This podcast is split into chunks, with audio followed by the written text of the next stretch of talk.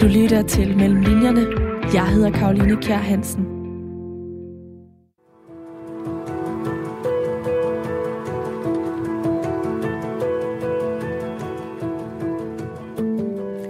Hun glemmer, mens hun tager billedet, og husker, når hun betragter det bagefter. Cirka en fjerdedel inde i romanen Paradis Først, som netop er kommet på markedet, støder du på denne sætning. Det er hovedpersonen Christinas svar på spørgsmålet om, hvorfor hun interesserer sig for fotografi. Egentlig ærger hun sig over, at hun ikke kan komme med en klogere forklaring på det her spørgsmål.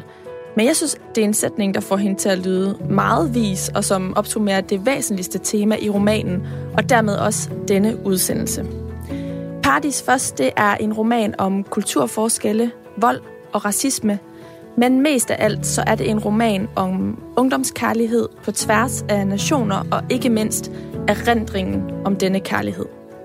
Erindring er det alt overskyggende tema i Paradis Først, som er skrevet af forfatter Christina Stolz.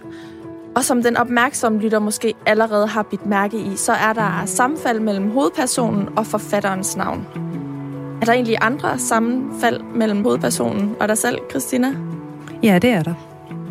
Mm, er det så en selvbiografi, eller er det autofiktivt? Det ved jeg ikke. Det kan jeg ikke svare på. Det er jeg spændt på at høre mere om lige om lidt.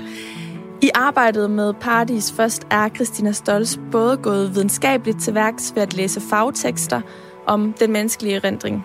Hun er gået æstetisk til værks ved at læse fiktive bøger om temaet, og så er hun gået personligt til værks og har undersøgt sin egen erindring ved at genbesøge mindeværdige mennesker og steder. Og det skal vi tale meget mere om lige nu, fordi du lytter til Mellem Linjerne. Det er programmet, hvor jeg taler med nogle af Danmarks dygtigste forfattere om de forberedelser og oplevelser, der ligger før deres bøger kunne skrives. Alt det research-arbejde, som de har været ude i, og som ligger mellem linjerne i deres bøger. Og i dag så taler jeg med Christina Stolz om Paradis Først. Og Christina, først og fremmest rigtig hjertelig velkommen til programmet og hos mig her i studiet. Tusind tak, fordi jeg måtte komme. Jeg synes simpelthen, at det her det er en virkelig, virkelig smuk bog. Det er den flotteste, jeg har set i år. Så jeg tænkte på, om du ikke lige vil begynde med at beskrive, hvordan den egentlig ser ud for lytterne. Jo, altså når man umiddelbart ser forsiden, så kunne man godt forledes til at tro, at det er bare et tåget øh, skovlandskab, eller i hvert fald skovene i baggrunden med tåge, og, og så en, en villavejlen på parcelhusvej. Øh, men når man så kigger lidt lidt tættere, eller går lidt tættere på billedet, så vil man se, at det faktisk er en, øh, en skovbrand. Det er en nedbrændt øh, parcelhusvej. Der står kun en enkelt bil tilbage, øh, og der er vist også et enkelt hus tilbage, men ellers alt andet brændt ned. Og den tog, der ligger hen over de her høje græntræer, er altså ikke tog, men røg. Vil du prøve at beskrive, hvordan farverne er i forhold til altså den, mm. den øvrige farve på bogen? For det er også noget af det, jeg synes er meget fint. Ja, altså selve, kan man sige, baggrunden på, på bogen har sådan en, en støvet rosa, vil man mm. nok mhm. kalde den farve. Øhm, og så fotografiet, som så er i midten, øh, og som fylder mest på forsiden, er i farver, men det er sådan nogle lidt efterårsagtige, sådan lidt brændte farver. Øh, og så står Paradis først som midt på billedet med store hvide versaler, og så står mit navn med sort lidt mindre skrift øverst oppe. Mm. Og når man så åbner bogen inden i flapperne, så er det billede, der er på forsiden, det er så også øh, forstørret op, og der kan man så for alvor se, øh, at det faktisk ikke bare er tog, men er en, en brand. Mm, lige præcis. Og hvis man bladrer om på de første sider så og begynder at læse den her øh, fortælling, så, øhm, så møder man Christina, som er hovedpersonen i Paradis først, og som rejser til Monet i USA for at besøge sin øh, amerikanske ungdomskæreste og eksmand i anledning af, at han skal giftes på ny. Og det her besøg, det var en uge, hvilket også er øh, tidshorisonten i romanens nutid. Men i løbet af besøget, der udfolder deres forgangne kærlighedshistorie sig for læserne i form af hovedpersonens erindringer om fortiden. Du har længe haft lyst til at skrive den her roman, men haft ret svært ved det. Og egentlig så kan jeg godt forstå det, fordi når jeg tænker på erindring, så tænker jeg, at det er noget meget sådan umiddelbart uhåndgribeligt, og det er et meget foranderligt øh, fænomen. Men hvorfor var det svært for dig at tage hul på, på historien her? Jeg vidste ikke, at det her med erindring var, var øh, sådan en, et tema, øh, og at det både ville øh, komme til at og, kan man sige, spille ind på hele måden, romanen er skrevet på, og også tematisk ville fylde, komme til at fylde så meget. Det vidste jeg ikke. Altså, jeg troede sådan set, at det ville være en mere sådan lige ud af landevejen kærlighedshistorie, jeg skulle skrive. Øhm, og at et stort tema i romanen, det troede jeg i hvert fald nu her, inden jeg gik i gang denne her gang med at prøve at skrive bogen, der troede jeg, at et stort tema i romanen også ville komme til at handle om en øhm, miljøforkæmper i Kalifornien hvilket det slet ikke kom til.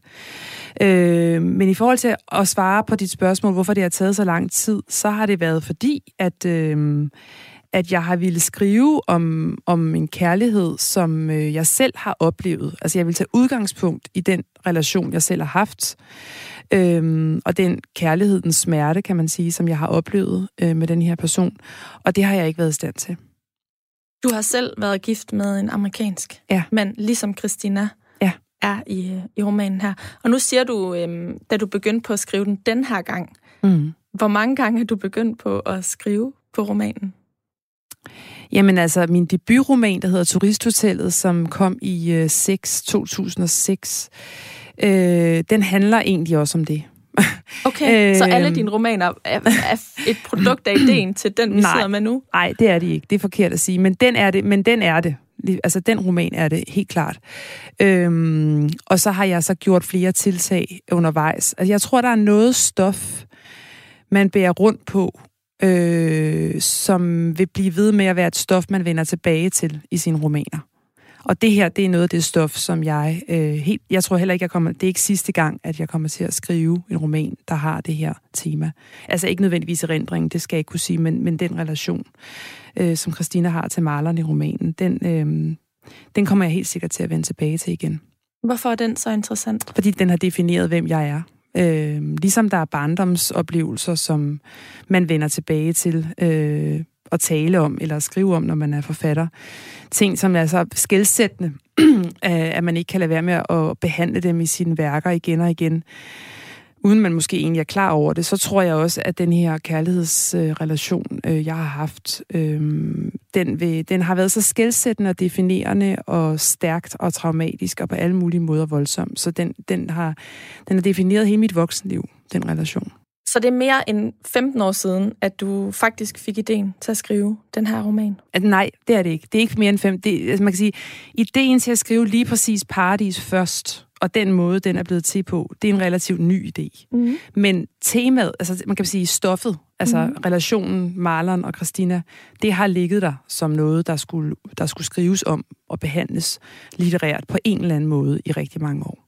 Og hvornår kom ideen til romanen Paradis først og formen, som den har, og vi kigger på bogen nu? Hvornår kom den idé? Øhm, det er jo en gradvis proces. Det er ikke sådan så, at jeg vågner en morgen, og så er den der ding, klar.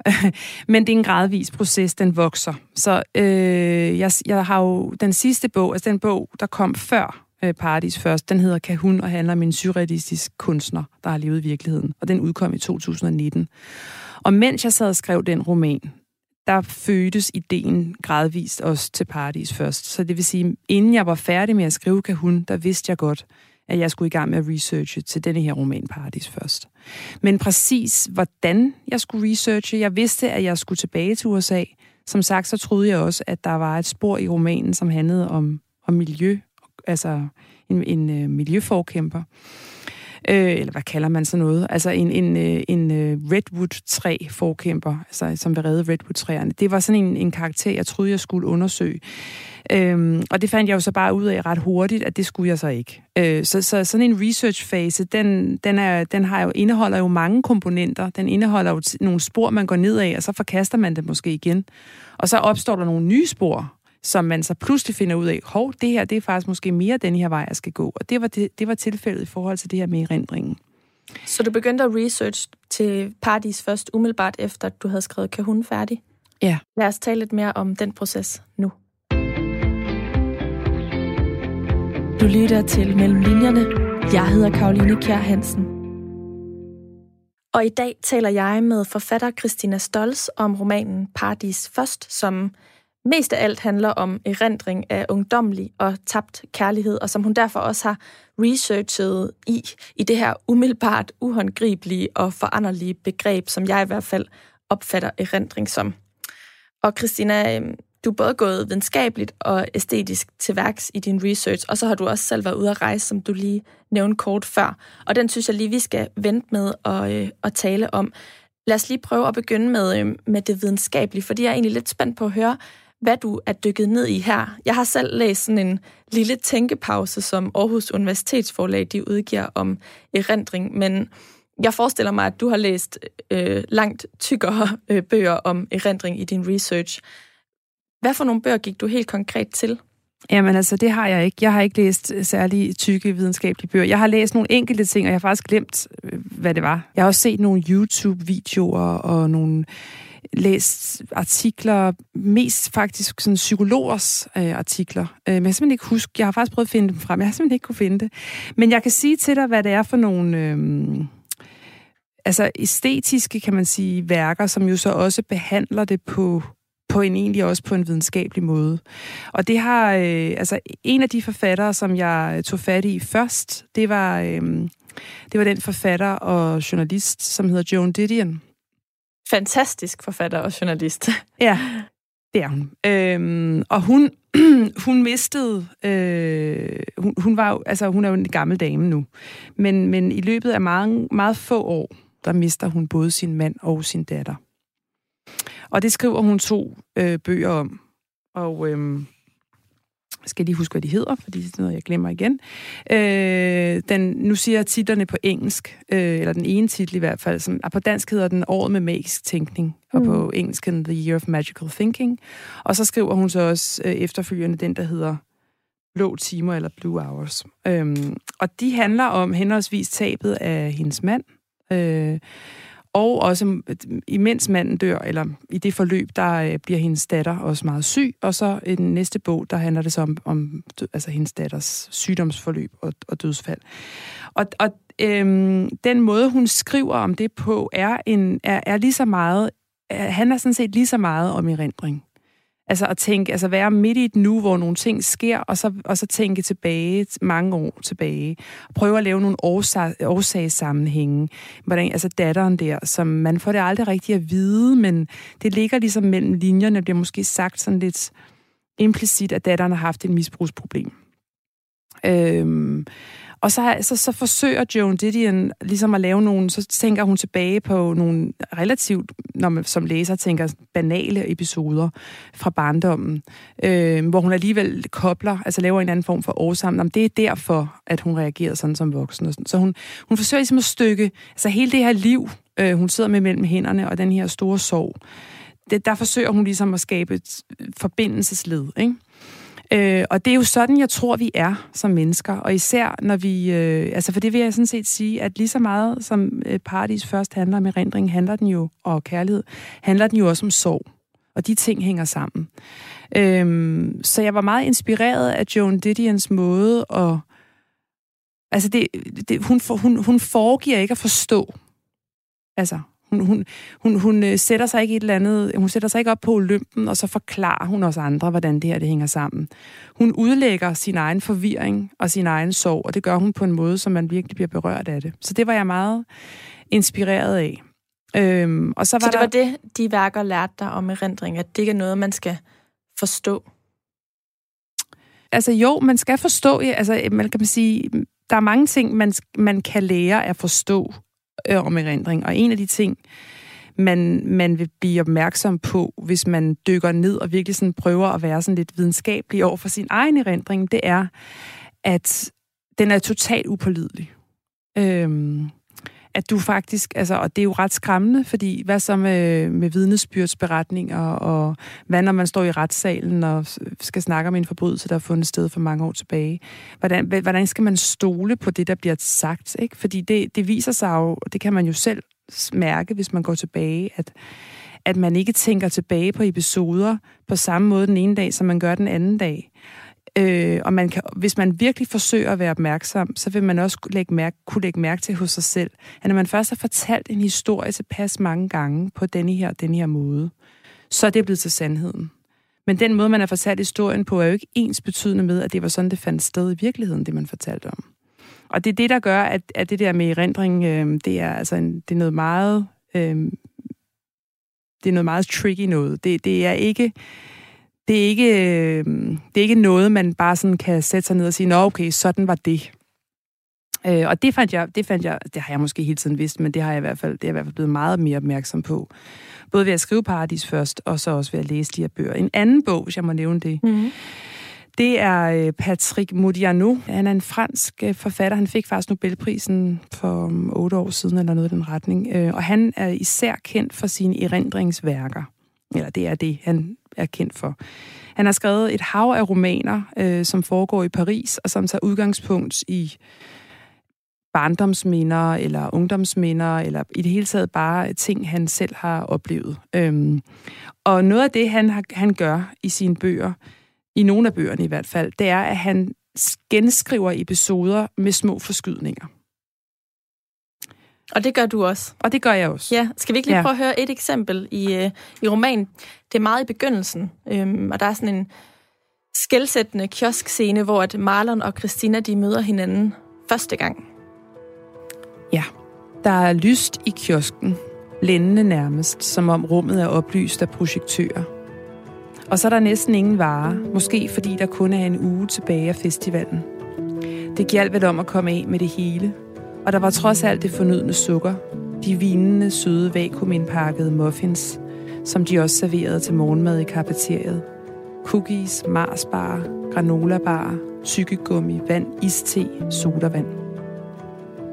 Jeg vendte mig om med en pakke mindpastiller i hånden ved lyden af hans stemme. Jeg ved ikke, hvad han sagde til mig. Det var første gang, jeg så ham. Første gang, vi mødtes. Han smilede nok. Han smilede uden tvivl. Jeg kan ikke forestille mig andet, end at jeg gjorde det samme. Der var ikke andre derinde. Han havde en stribet hættetrøje på den dag i kiosken. Gule, orange og sorte striber. Måske havde han træningsbukser på. Måske havde han trainers på. Selv var jeg sikkert klædt i den sorte buksedragt, den i det tynde bomuldstof, som jeg gik i den sommer. Der var ikke andre i kiosken end os. Der kom ikke andre for at købe noget. Måske vidste ingen, at den fandtes. Hans dreadlocks var ikke særlig lange på det tidspunkt. Han spurgte, om vi skulle gå ud og drikke en kop kaffe efter forestillingen med det indiske kompani samme aften. Og så springer vi et par sider frem, hvor at øh, selv samme setting er beskrevet, men øh, på en lidt anden måde. Han spørger, hvad hun skal have. Da hun vender sig om, står han bag hende sammen med en hvid fyr i træningstøj. Hun kender ham ikke, den stribede hættetrøje. Det er den, han har på. Hun har ikke set ham før. Men han spurgte, hvad hun skulle have. Som om de allerede kendte hinanden. Den hvide fyr smilede og præsenterede sig. Jeg husker ikke længere, hvad han hed. Maleren præsenterede sig også og sagde, at han havde set hende. Hun havde ikke set ham. Hans ansigt er et landskab, bakket, fuldt af slugter. Måske havde hun svært ved at tage øjnene fra det ansigt. Eller også var hun bare overrasket. Tak, Christina. Selv tak. Hvorfor var det nødvendigt for dig at læse de her bøger i arbejdet med bogen? Jamen altså, det gør jeg altid, når jeg skal arbejde med en, en ny bog, så, så er der en masse ting, jeg gør. Øh, jeg både læser, og jeg ofte bevæger mig, rejser steder hen, tager noter. Nogle gange øh, øh, øh tager jeg udgangspunkt i kunstværker. Øh, altså, jeg bruger tid på at dykke ned, øh, og så er det sådan en intuitiv proces, at jeg sådan samler sammen. Jeg har sådan en hylde på min reol, hvor jeg ligesom sådan samler research-ting sammen. Øhm, og, og så er der nogle af de bøger, jeg finder, som jeg tænker, tror, jeg skal bruge, som jeg så ikke skal bruge. Men det bliver meget hurtigt noget med at, at læse efter en... Det er jo ikke kun tematisk. Altså jo, så kan man læse i, for eksempel historiebøger eller sådan noget, som, fordi man skal vide noget faktuelt. Men, men ellers er det, er det jo også sådan at finde en tone. Øhm, finde frem til en stil og en tone, som, som jeg synes passer. Og der læser jeg jo rundt i alle mulige værker, og, og ligesom sådan lytter mig frem. Er det, er det den her vej, eller hvad passer? Det er meget intuitivt, faktisk. Så det er primært bøger, der står på den her reol derhjemme, når det kommer til øh, Paradis først sektionen? Nej, i det her tilfælde er det også rigtig meget min egen notesbøger, mm. øh, som danner baggrund, altså som er en del af mit research-materiale simpelthen. Ja. ja. Og øhm, hvornår har du udfyldt de notesbøger? Jamen, dem har jeg udfyldt, siden jeg var 10. Altså, jeg har skrevet dagbøger, siden jeg var 10, så jeg har ekstremt mange. men, øh, men så har jeg jo selvfølgelig et udpluk, som, som er den periode fra mit liv, hvor jeg har været omkring 17-18 og frem til jeg var dit, omkring 30. Øh, hvor hvor øh, jeg selv havde et, en relation til den her person, som, som danner baggrund for, altså som er inspirationen til, til fortællingen hvor jeg boede i USA meget af tiden, og hvor øhm, så der er rigtig meget materiale, altså ting, jeg, jeg har glemt, som, som jeg kan finde der. Øh, og det er lige fra, hvordan jeg har haft det, hvad det, til samtaler, jeg har haft, til steder, jeg har været, øh, hvor man kan sige, dagbøgerne eller notesbøgerne næsten altså, skaber mere billedmateriale end de fotografier, jeg har liggende fra samme periode. Fordi når man får sprog på ting, så kommer man igen i, i, i kontakt med sin egen erindring. Så det kan godt være, at der kun står lidt om et eller andet, men så pludselig så, gud, når ja, nu kan jeg huske en masse fra den periode der. Ikke? I introen vil du ikke svare klart på, om det er øh, autofiktion, det her, selvom at der er sammenfald mellem hovedpersonens navn og dit eget navn. Hvorfor ikke det? Med al respekt for litterater og, og sådan noget, så, så, så synes jeg, det er utrolig begrænsende læsesyn øh, øh, at tale om autofiktion. Altså fordi det, det, er jo, det er jo en fuldstændig flydende ting for mig, hvornår, øh, hvornår noget ligger tæt, lidt længere væk, meget langt væk altså fra mig. Altså alt, hvad jeg skriver, er jo noget, jeg skriver, fordi at det interesserer mig. Fordi der er en tematik, der interesserer mig, eller en periode, der interesserer mig, en karakter, der interesserer mig. Og jeg har noget til fælles med alle de karakterer, som jeg fremskriver. Det vil sige, der er jo ikke nogen, der stiller mig spørgsmålet i forbindelse med den bog, jeg udgav for et år siden, om, om den her øh, franske surrealistiske kunstner. Har du noget til fælles med hende? Det er der ingen, der har spurgt mig om. Jeg har rigtig meget til fælles med hende. Øhm, men det er klart, at når jeg skriver en karakter frem, som jeg til og med kalder mit eget navn, og det kan man sige, det kan, jeg jo, det kan jeg jo regne ud, så vil folk jo selvfølgelig stille mig det spørgsmål. Og det er også helt i orden at stille mig det spørgsmål. Men, men så må jeg bare sige, at... Øhm, at det er øh, en karakter. Christina i romanen er en karakter, som har oplevelser til fælles med mig, ja. Men derfra så til at sige, at jeg, er jeg person. Jeg bryder mig bare ikke om den genrebetegnelse autofiktion. Det er en roman, der handler om Christina og Marlon. Men meget af din research foretog du også i dine egne dagbøger?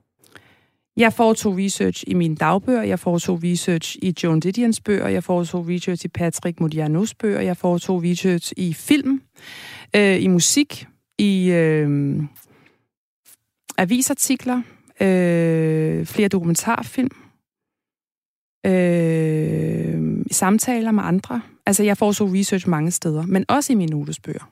I dine omkringliggende omgivelser, kan ja. man vel sige. Ja. Hvordan var det at genbesøge de her dagbøger? Dem har jeg genbesøgt mange gange. Øhm, og det er altid med sådan, altså jeg har utrolig mange post-its i dem, øh, afhængig af hvad jeg har genbesøgt dem for. Øh, fordi altså, de, har, de har været vigtigt materiale i mange, altså til mange af mine bøger. Øhm, og det kan være lige fra sådan noget som en følelse, jeg skal huske, hvordan var det at, at have det sådan, når man var den alder, for eksempel. Hvordan har en 10-årig pige det, når hun mister sin bedste dukke, for eksempel, ikke? Det, det står der jo noget om i mine dagbøger, hvis jeg går helt tilbage. Det, det, den følelse, den, sådan, den kan jeg ikke rigtig komme i kontakt med på anden måde end, end der. Og det synes jeg er meget, øh, altså det, det er jeg meget glad for. Jeg er meget glad for at have det materiale. Øhm, I det her tilfælde, der var det jo meget med at prøve at, for det første, hvordan var USA dengang? Altså, fordi jeg har været i USA mange gange siden. Men der er sket utrolig meget, ligesom der er sket utrolig meget her i Danmark og i Europa, så er der jo også sket utrolig meget i USA. Så USA nu er jo et andet sted på mange måder, end det var, da jeg boede der. Vi skal måske lige sige, at Christina, hun øh, tager første gang, Christina i romanen, ja, tager ja. første gang til USA i 1993, og det samme gjorde du, og hun genbesøger så sin øh, tabte ungdomskærlighed 20 år efter. Ja. Øh, men i modsætning øh, til Christina i romanen, eller nej, det er faktisk ikke engang i modsætning. Hun, Christina i romanen har også været der efterfølgende, men, men jeg har været der mange gange i løbet af årene, altså også efter jeg boede der. Øh, og har været mange forskellige steder i USA. Nå, men det er i hvert fald en af de ting, som jeg synes har været frugtbart at gå tilbage i dagbøgerne, notesbøgerne, og så se, okay, hvad, hvordan har jeg beskrevet landskaberne, hvordan har jeg beskrevet fjernsynsudsendelser, jeg har set, eller øh, huse, jeg har boet i. Øh, altså alle de der sådan meget sanselige ting, de, dem, dem finder jeg der. Og øhm, du har jo så også genbesøgt USA. Ja. Vil du ikke prøve at fortælle lidt mere om den del af researchen? Jo, altså jeg troede jo, jeg, jeg, altså, jeg troede jo, jeg skulle over og, øh, og øh, undersøge Redwood-træs øh, forkæmper. øhm, Hvornår var det her rent tidsligt? I 18. Øhm, og der, altså, der, der øh, jeg tror, jeg snakkede med en, jeg fandt frem til, øhm, som fortalte mig nogle ting, og det var ikke særlig inspirerende for mig. Det, jeg kunne bare mærke, og det var det nok ikke, fordi jeg kunne mærke, at det var ikke den vej, jeg skulle gå. Selvom jeg stadigvæk synes, det er spændende. Øh, og jeg synes, Redwood-træer er fantastiske træer, og hele det område i Kalifornien synes jeg er spændende at besøge og sådan noget. Men, men, øh, men det, der for alvor var inspirerende for mig, det var at tage til, øh, til Midtvesten, hvor jeg havde været før, men, øh, men hvor jeg ikke på den måde havde været så interesseret. Jeg havde ikke været så interesseret i det sted. Det er ligesom altså mit sted, kan man sige, der hvor jeg har boet. Det er i Kalifornien. Øh, og Midtvesten, jeg ved ikke, om du har været i Midtvesten, men det er i hvert fald, altså, jeg genlæste faktisk Lille Hus på Frærien af samme grund, mm. hvilket var meget inspirerende. Fordi det, det, er jo, det, er jo, det er jo fantastisk, hvad der er blevet, hvad der, hvad der er blevet gjort, ikke? Altså af de her bare næver. Og det du nævner man... også uh, det lille hus på prærien. Jeg nævner også det lille hus. Det er faktisk først. også en del af min research. Det ja. er også det lille hus på prærien. Øhm. Det, er, det er tydeligt at mærke, at du netop bruger altså, artefakter i din hverdag og øh, øh, navigerer efter dine egne interesser, så det kan faktisk være helt svært at ligesom skitsere, hvornår den konkrete research øh, begynder og slutter i dit tilfælde. Oplever ja. jeg det i hvert fald som, Jamen, som det lytter. forstår jeg godt. Jamen, det forstår jeg godt, og det, og det, det altså man kan sige, øh, den måde, jeg arbejder på som forfatter, der er alt jo research. Det er du jo også nu, når vi sidder her. Så bliver jeg interesseret i dit røde hår, ikke? Altså, og din flotte grønne kjole. Og så vil jeg huske det. Og så vil det jo gå ind på en eller anden måde. Når jeg skal beskrive en karakter, så kan det være, at det er dig, der, altså, dig, der står der, der kommer frem i min bevidsthed. Så på den måde er alt jo. Øhm, men så er der jo selvfølgelig den mere målrettede research, mm. ikke? Altså, der er den, den almene store, det er bare at være til i verden og leve og indsamle materiale. Det gør vi alle sammen. Men så er der den målrettede, og de to ting spiller jo så sammen, eller mm. indfly, har indflydelse på hinanden. Mm. Og, og rejsen der til, øhm, til Midtvesten, den, den var... Øh, den var meget afgørende for, hvordan romanen så endte med at blive til. Eller kom. Altså, de steder, jeg besøgte, de, de, de områder, jeg så, og den stemning, der var i USA på det tidspunkt, var, øh, det var lige i forbindelse med midtvejsvalget. Øh, den kom til at have indflydelse og påvirke min proces efterfølgende. Var der en særlig situation, som gjorde størst indtryk på dig derovre? Altså, øh, jeg besøgte en, øh, en, en ven, jeg har, der bor i det område. Øhm, og vi, vi talte meget om politik. Altså det, politik og, og den stemning, der var øh, i USA. Øh, og jeg kom jo lige fra Kalifornien. Jeg havde lige været i Kalifornien, som, hvor man er mere liberal og mere venstreorienteret ofte. Øhm, jeg blev lidt for, jeg, blev, jeg, jeg kom ud i sådan en forvirring på en eller anden måde, fordi at jeg, det var utrolig søde mennesker, jeg mødte i Midtvesten. Øhm, men langt de fleste af dem er jo republikanere, og de her Dixie flags, der vejer mange steder, og øhm, den der, sådan, det der paradoks, der ligger i, at på den ene side, så er man politisk måske meget, meget uenig med de her mennesker, og så på den anden side, så er de utrolig venlige og gæstfri over for mig. Ikke? Altså, det, øhm, det, kommer, det, det er ikke noget, der sådan direkte spiller ind, men det ligger som sådan et undertæppe. Altså, øhm, og så, så det, som jeg altid har synes har været svært ved at være i USA, det bliver endnu, det bliver endnu mere øh, kan man sige, tydeligt i den del af USA, når man, når, man, når man er uden for de store byer, og i det her tilfælde besøger Christina hovedpersonen sådan en lille bitte by, der hedder Monet, der ligger midt inde i Missouri. Øh, og den der sådan følelse af, at man bare er havnet ude in the middle of nothing. Altså, her er man bare på ingenmands, altså i ingenmandsland på en eller anden måde, ikke? Kæmpe, kæmpe store afstande, og den eneste måde, man kan komme videre på, det er med bil, og øh, dårlig mad og overvægtige mennesker og fattigdom på mange måder. Øhm, det er så radikalt anderledes, end, end at være i Danmark. Men var der en situation, hvor at det her det bare stod klart for dig i USA? Hvordan romanen skulle skrives? Nej, hvordan den her... Mm, jeg ved ikke, om vemmelse egentlig er det rigtige ord at bruge mod en anden form for livsstil eller et andet verdenssyn. Men var der en situation, hvor at det her det kom meget på nært hold? Altså oplever du, oplever du, at der er en vemmelse i Christina i romanen? mm, nej, nok nærmere en undren. Jeg tror, ja. Jeg tror, det der, det, der, kan, være, det, der kan være forvirrende, og altid har været det for mig, når det kommer til USA, og det, det skal jeg komme ind på, det, det i modsætning til at rejse til øh, Ægypten, eller jeg har rejst meget i den arabiske verden, Mellemøsten, hvor man med det samme tænker, jamen vi har forskellige kulturer, vi, vi ser, vi, ser vi, vi kommer med nogle forskellige udgangspunkter, vi ser på forskellige ting, vi, vi taler forskellige sprog. Men, men, men sådan har jeg jo aldrig haft det med USA. Måske til dels, fordi jeg har været gift med en amerikansk mand, men jeg tror, mange af os har det på den måde, fordi vi er så influeret af amerikansk kultur, og alle sammen taler engelsk, og opflasket op med amerikanske film, amerikansk popmusik, amerikansk mode, amerikansk mad. Altså, så har vi også en forestilling om, at vi, øh, at vi måske, eller vi kan bilde os selv ind, at vi til dels ligger tæt på hinanden, men, vi, men, kulturelt, men, land, men land, altså, landet USA er jo også ekstremt differentieret. Så at være, befinde sig i San Francisco, og så befinde sig i Monet i Missouri, det er altså to ekstremt forskellige oplevelser. Det er nærmest som at være i to forskellige lande. Øhm, så hvordan havde du det, det, da du var i Monet? Jamen altså, en af de ting var, at jeg bare ikke kunne spise noget. Fordi alt smagte dårligt.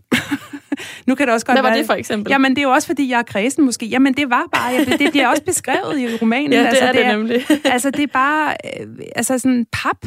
Altså, og fyldt med olie og fyldt og med... Og de drikker af plastikkrus. Ja, altså, ja. De personer, som jeg så mødte, gjorde så faktisk også det. Mm-hmm. Øh, øhm, så det, så det det var så usandsligt på en eller anden måde. Lige, altså i modsætning for eksempel til at sidde på en lækker restaurant i San Francisco, hvor det er lækker avocado og lækre olier og dejlig oliven og sådan noget, ikke? Så, øh, så, øh, og du får masser af Cajun mad, og der er masser af forskellige muligheder, ikke? Alle mulige forskellige køkkener. Så var det ligesom sådan bare, okay, her får du, hvis du får en omelet, så kan du være sikker på, at den er så salt, så du skal drikke tre liter vand bagefter. Ikke? Altså, det, det var den oplevelse, jeg havde. Der er sikkert nogen, der har haft andre oplevelser, men det var, den, det var de diner, jeg var på, og, og, og øh, de mennesker, jeg besøgte, de, de lavede altså den slags mad.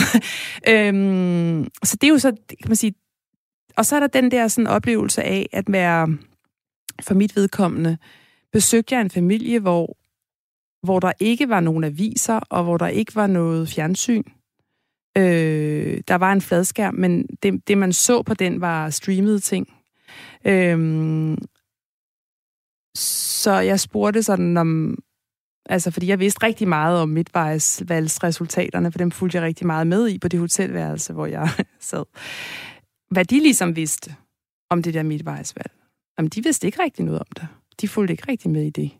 Øh, og, så, og, og sådan er det jo også sikkert også i Danmark. Altså, der er jo nogen, der følger med og med i, i politik end andre og så videre. Det er der jo ikke noget galt i, men det var sådan en følelse af, at, at jeg faktisk vidste mere om, om amerikansk politik og hvad der skete, end de personer, jeg var sammen med, vidste.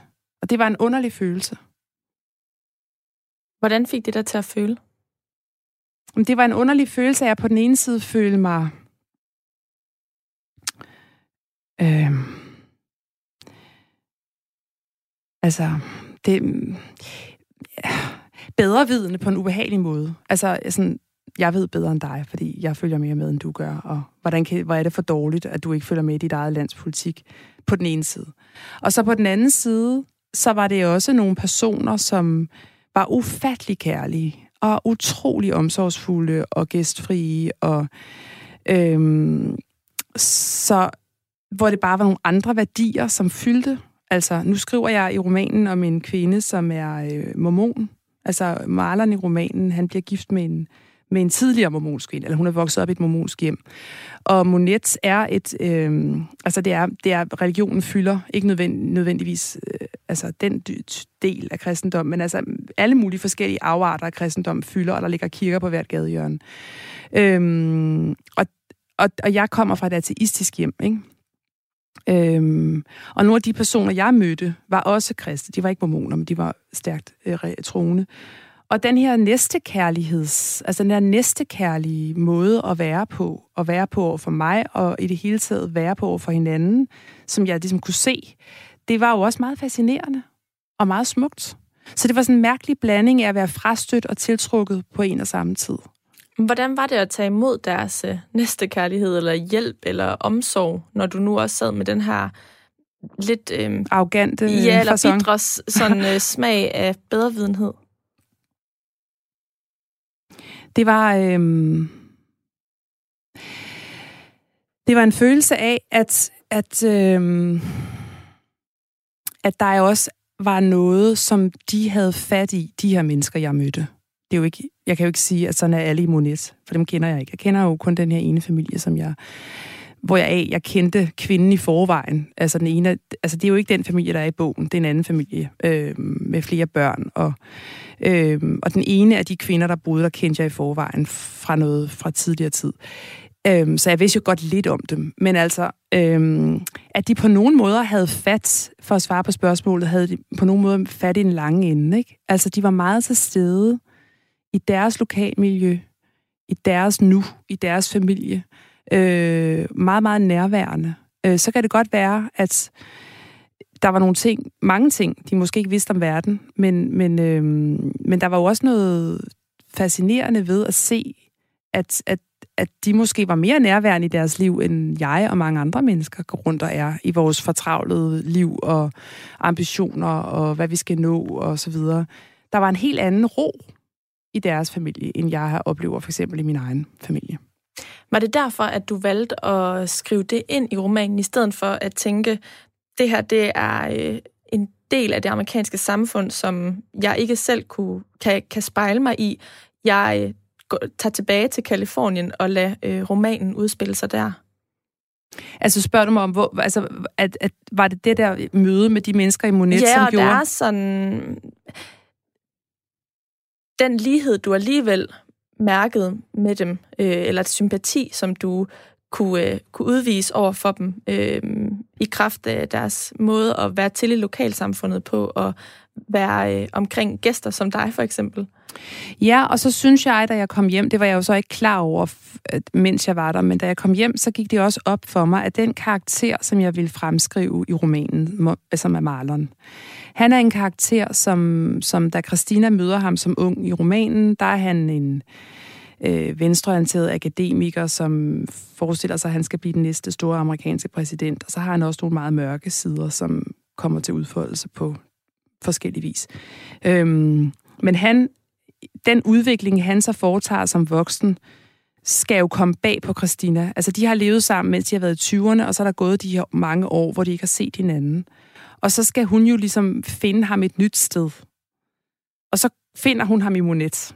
Øhm, gift næsten med en meget kristen kvinde.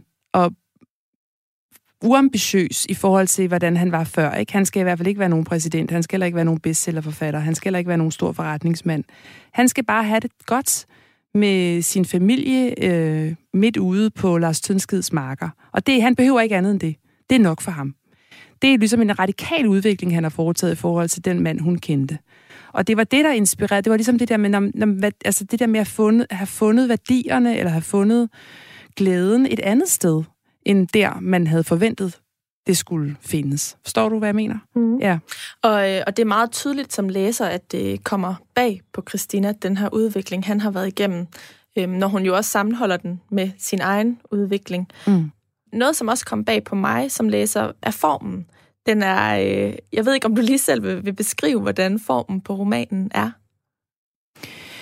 Jamen altså, den foregår jo, som du sagde før, den foregår jo sådan set på nutidssporet, på nutidsplanet foregår den jo over en meget kort periode, det vil sige en uge. Den rejse, som Christina i romanen foretager fra København til Monet, og næsten på vej tilbage igen, ikke? Øhm, ingen gang i en uge, altså 5-6 dage. Øhm, og og i den, altså, så er man jo inde i hendes tanker, og øhm, i det rejseforløb, der indskriver hele fortiden sig. Øhm, så selvom at romanen kun er 170 sider lang, så kunne den sådan set godt have været 500-600 sider lang, fordi der er i virkeligheden utrolig meget materiale mellem altså linjerne og på linjerne sådan set også. Øh, og så er den jo skrevet på den måde, at fordi erindringen fylder på den måde, bliver tematiseret, som det bliver, så er den skrevet, så den hele tiden veksler i tid, og den hele tiden veksler mellem pronomer. Forstået på den måde, at når, øh, når Christina øh, tænker tilbage og mærker det, hun tænker tilbage på, så er det et jeg, der fortæller. Andre gange tænker hun tilbage mere distanceret, ser tingene mere som en film, der passerer forbi. Så er det skrevet i tredje person. Og på samme måde i forhold til tid, den går fra nu til dengang. Ikke? Altså, og det kan, den, det kan den sådan set gøre på samme linje, eller inden for den samme paragraf. Og det kan man umiddelbart godt tro er meget forvirrende, men det er det egentlig ikke. Altså når man først har knækket, det kan godt være lige de første par sider, skal man lige forstå, nå, er det sådan det? Okay, sådan her. Øhm, man skal så, lige vende sig til Man skal det. lige vende sig til det, og så det, tror jeg faktisk, det er meget let at læse, fordi at man forstår, at nå, det er sådan, det, det er sådan, hun, det er sådan, hun går igennem tiderne på, ikke? Lad os lige prøve at høre, hvordan det for eksempel kommer til udtryk.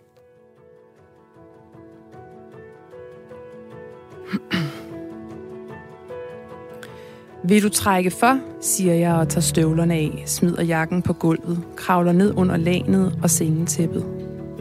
Der er heldigvis mørkt i værelset, ingen lyde. Han sætter sig på sengekanten. Hans ansigt ligner det ansigt, jeg kendte engang. Det ansigt, der var mit. Mit ansigt i hans. På en stol ved siden af sengen. Indimellem gik han udenfor for at ryge. Han vidste ikke, at det var sådan, jeg reagerede, når jeg flyttede mig geografisk at jeg faldt om i en søvn, der kunne vare i flere døgn. Når jeg kortvarigt vågnede op, så jeg hans silhuet, den fremtrædende pande, læberne og hagen. Lyset gennem sprækkerne i gardinet, mørket. Han sagde ikke noget, og jeg faldt i søvn igen.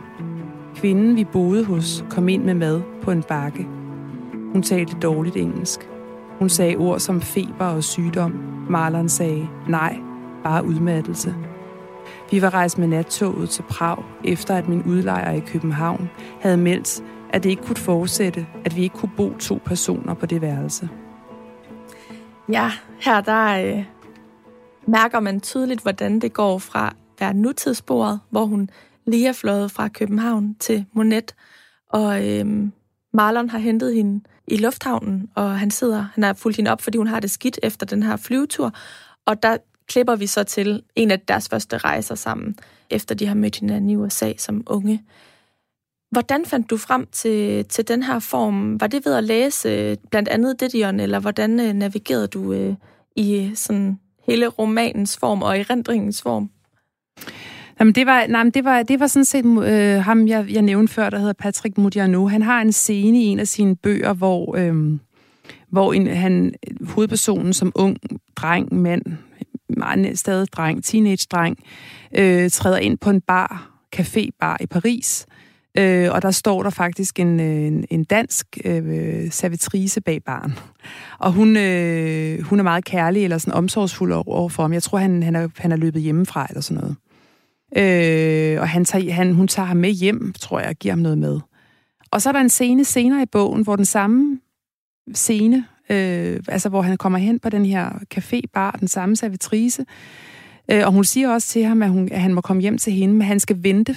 Hun skal først afsted med en, en eller anden, anden mand et eller andet sted hen, og så skal han, enten skal han vente på barn, eller så skal han selv tage bussen hjem, og så er hun der ikke, da han kommer. Så det vil sige, at det er faktisk helt anderledes husket i den, i den anden version. Og det synes jeg var så godt. Øhm, så det var virkelig, det var ligesom den scene, hvor jeg tænkte, okay, den her, det her greb, den her måde at, at skrive erindring frem på, det vil jeg bruge. Og det gør du hele vejen igennem? Ja. Hvad var egentlig det sværeste i hele den her research-proces?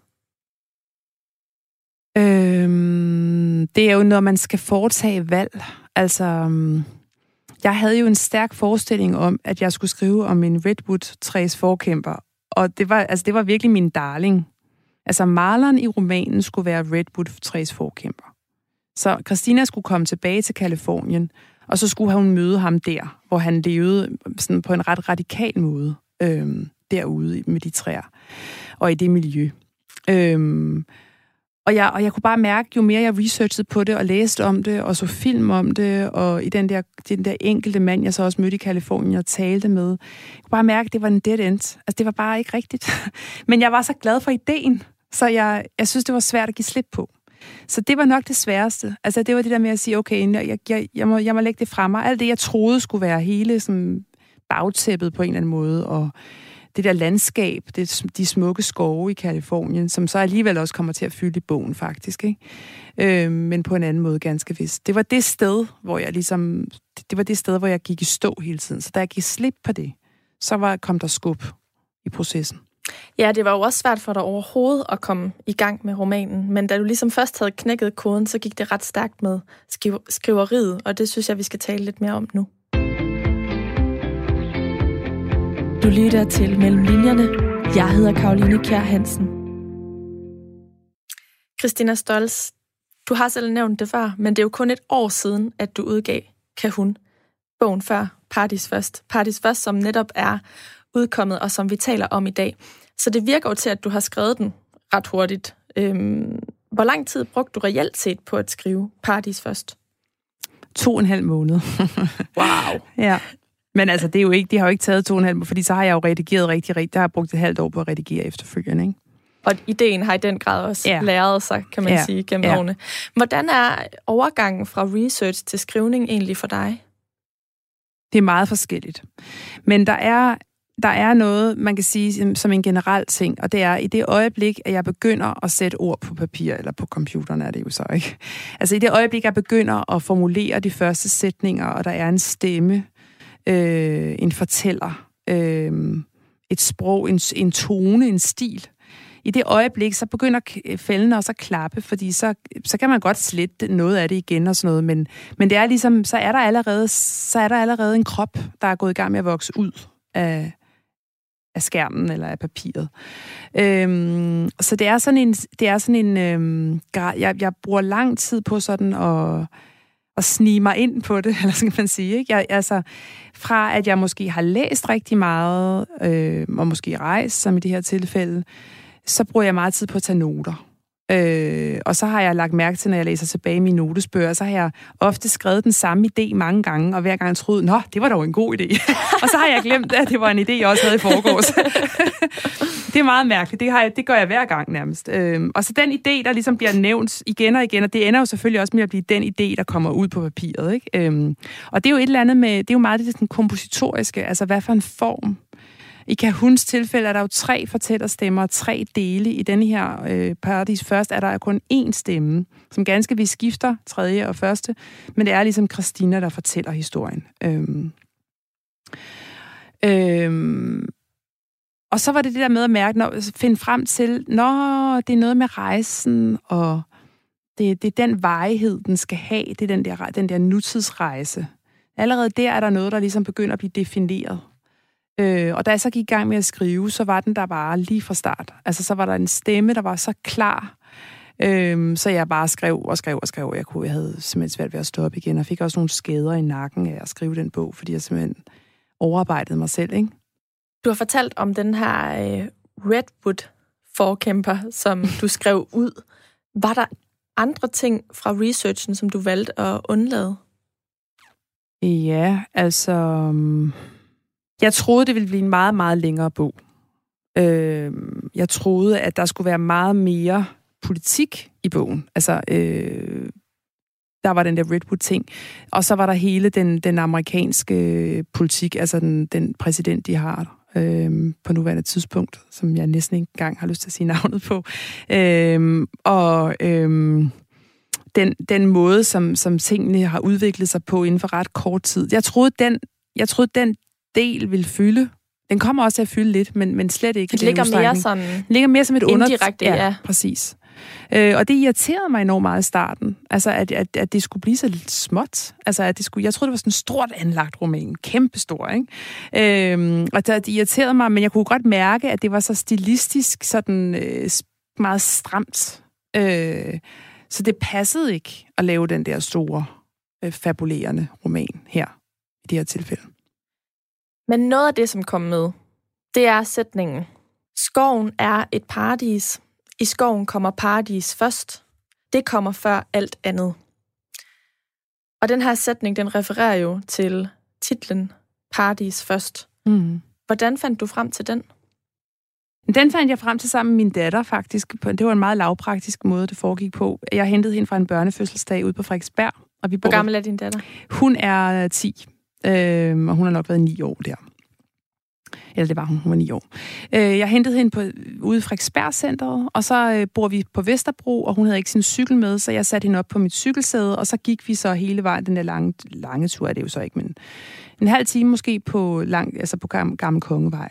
Og så sagde jeg til hende, øh, vi skal finde en titel til min nye roman, som jeg ikke var begyndt at skrive endnu. Men jeg havde en fornem... Så du fandt den før, du overhovedet Ja, det har jeg ikke prøvet før. Okay. Det har jeg ikke prøvet før.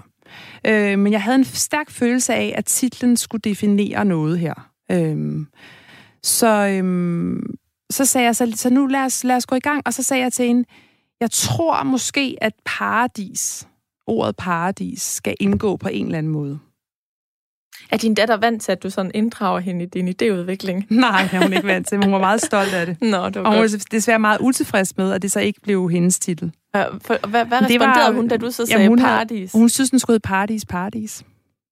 Og det synes hun Med stadigvæk. hvilken begrundelse? Mm, der er ikke rigtig nogen anden. Hun synes, det lyder bedre. Okay. Men så blev det paradis først? Så blev det paradis først. Og, øhm, og det var jo selvfølgelig, altså grunden til, at jeg havde øh, altså titlen Paradis, det var jo fordi, at den kærlighed, som Marlon og Christina gaber sammen, det er jo også sådan en eskapistisk kærlighed, ikke? Altså sådan en, en længsel efter at være et utopisk sted. Et sted, hvor man ikke skal forholde sig til virkeligheden, hvor man bare kan få lov til at være i, ja, i en paradisisk tilstand simpelthen, ikke? øh, en førfødt født tilstand, kan man sige. Og de en flytter, symbiose. Ja, og, og vi hører også øh, det stykke, du læste højt, der rejser de også fra København, da det første problem melder sig på banen, så flytter de til Prag. Ja, så, så de er lidt nogle nomader, ikke? Ja. Altså sådan lidt på flugt fra, fra virkeligheden. Den her titel, den er der også blevet spurgt ind til øh, i flere af de interviews, som du har givet her øh, efter mm. udgivelsen, og jeg synes lige, at vi skal runde den nu.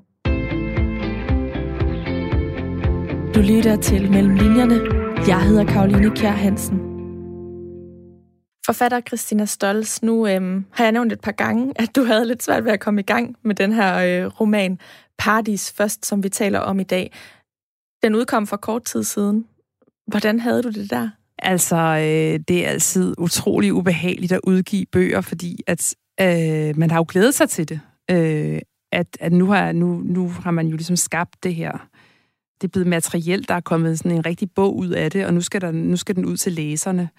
Og det er man jo vildt spændt på, på den ene side. Og så på den anden side, så føler jeg mig, og jeg tror ikke, jeg er den eneste forfatter, sådan nøgen der. Altså, så lige pludselig føler jeg mig udstillet. Og det der med at skulle vurderes offentligt.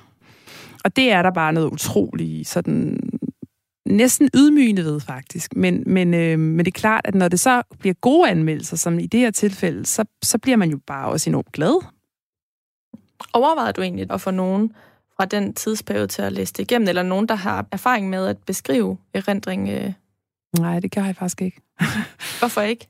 Jeg tror egentlig, jeg har meget sådan god øh, tillid til, at at øh, den måde, Christina i romanen oplever erindring på, synes jeg øh, ligger tæt op af, hvordan jeg selv oplever erindring. Så jeg, så jeg synes ikke, at jeg behøver at få det sådan øh, godkendt som du siger, så har du fået den ene glimrende anmeldelse efter den anden her øh, i løbet af de seneste dage, der er gået fra, at øh, bogen udkom til, vi taler sammen i dag. Men har du fået andre læserreaktioner, siden den er udkommet? Jeg tænker, det er jo et emne, som altså både erindring, men også ungdomskærlighed, som mange kan forholde sig til på den ene eller den anden måde. Jeg har fået rigtig mange læserreaktioner allerede. Det er virkelig dejligt. Øhm og det er jo selvfølgelig ofte, altså en ting er, hvordan de synes, at, altså, at de kan lide romanen og sådan nogle ting, det er jo, det er jo dejligt, men, men det der med, at det som jeg også havde håbet, at den ville gøre, øh, det er det anspor din egen erindring, og din egen, øh, ikke mindst erindring om kærlighed, altså hvordan, hvordan den der første voldsomme kærlighedsoplevelse kan, kan være. Øh, det er der flere læsere, som har meldt tilbage, at de ligesom selv er kommet i kontakt med øh, med at, ved at læse bogen. Og det, det er vildt tilfredsstillende, synes jeg. For det vil jeg gerne opnå med den. Så det var egentlig hele ideen med at skrive Paradis først? Det var ikke nødvendigvis sådan, at jeg tænkte, nu vil jeg gerne have, at mine læser de skal erfare. Altså, jeg tænkte ikke, men da jeg ligesom... Jo mere jeg kom ind i den måde at skrive bogen på, så tænkte jeg, at i bedste fald, så kunne den også åbne skabe op ind i, eller arkivskabe ind i, i andre menneskers øh, erindrings... Øh, kartotek, eller hvad vi nu skal kalde det. Altså, vi har jo alle sammen de her lukkede skuffer og skabe, som selvfølgelig har vi det. Vi kan jo ikke hele tiden gå rundt og tænke på fortiden. Det kan vi jo ikke. Så kan vi jo ikke eksistere i nutiden. Men det kan være spændende af til, og berigende af til, at, at åbne noget op og se, og hvad var, hvordan var det Hvorfor må I egentlig, jeg tænker sådan her? Det har måske noget at gøre med, hvordan jeg var som 20-årig, da jeg, altså, det hele hænger jo sammen. Den har i hvert fald også fået mig til at øh, tænke over min måde at erindre på, og det har både været betryggende og også en smule besnævrende. Christina Stolz, tusind tak, fordi du vil være sammen med mig her i dag. Tusind tak, fordi jeg måtte komme. Du har lyttet til Mellem Linjerne, programmet, hvor jeg taler med nogle af Danmarks dygtigste forfattere om de forberedelser og oplevelser, der ligger før deres bøger kunne skrives. Alt det research-arbejde, som de har været ude i, og som ligger mellem linjerne i deres bøger. Mit navn det er Karoline Kjær Hansen, og jeg håber, vi lyttes ved.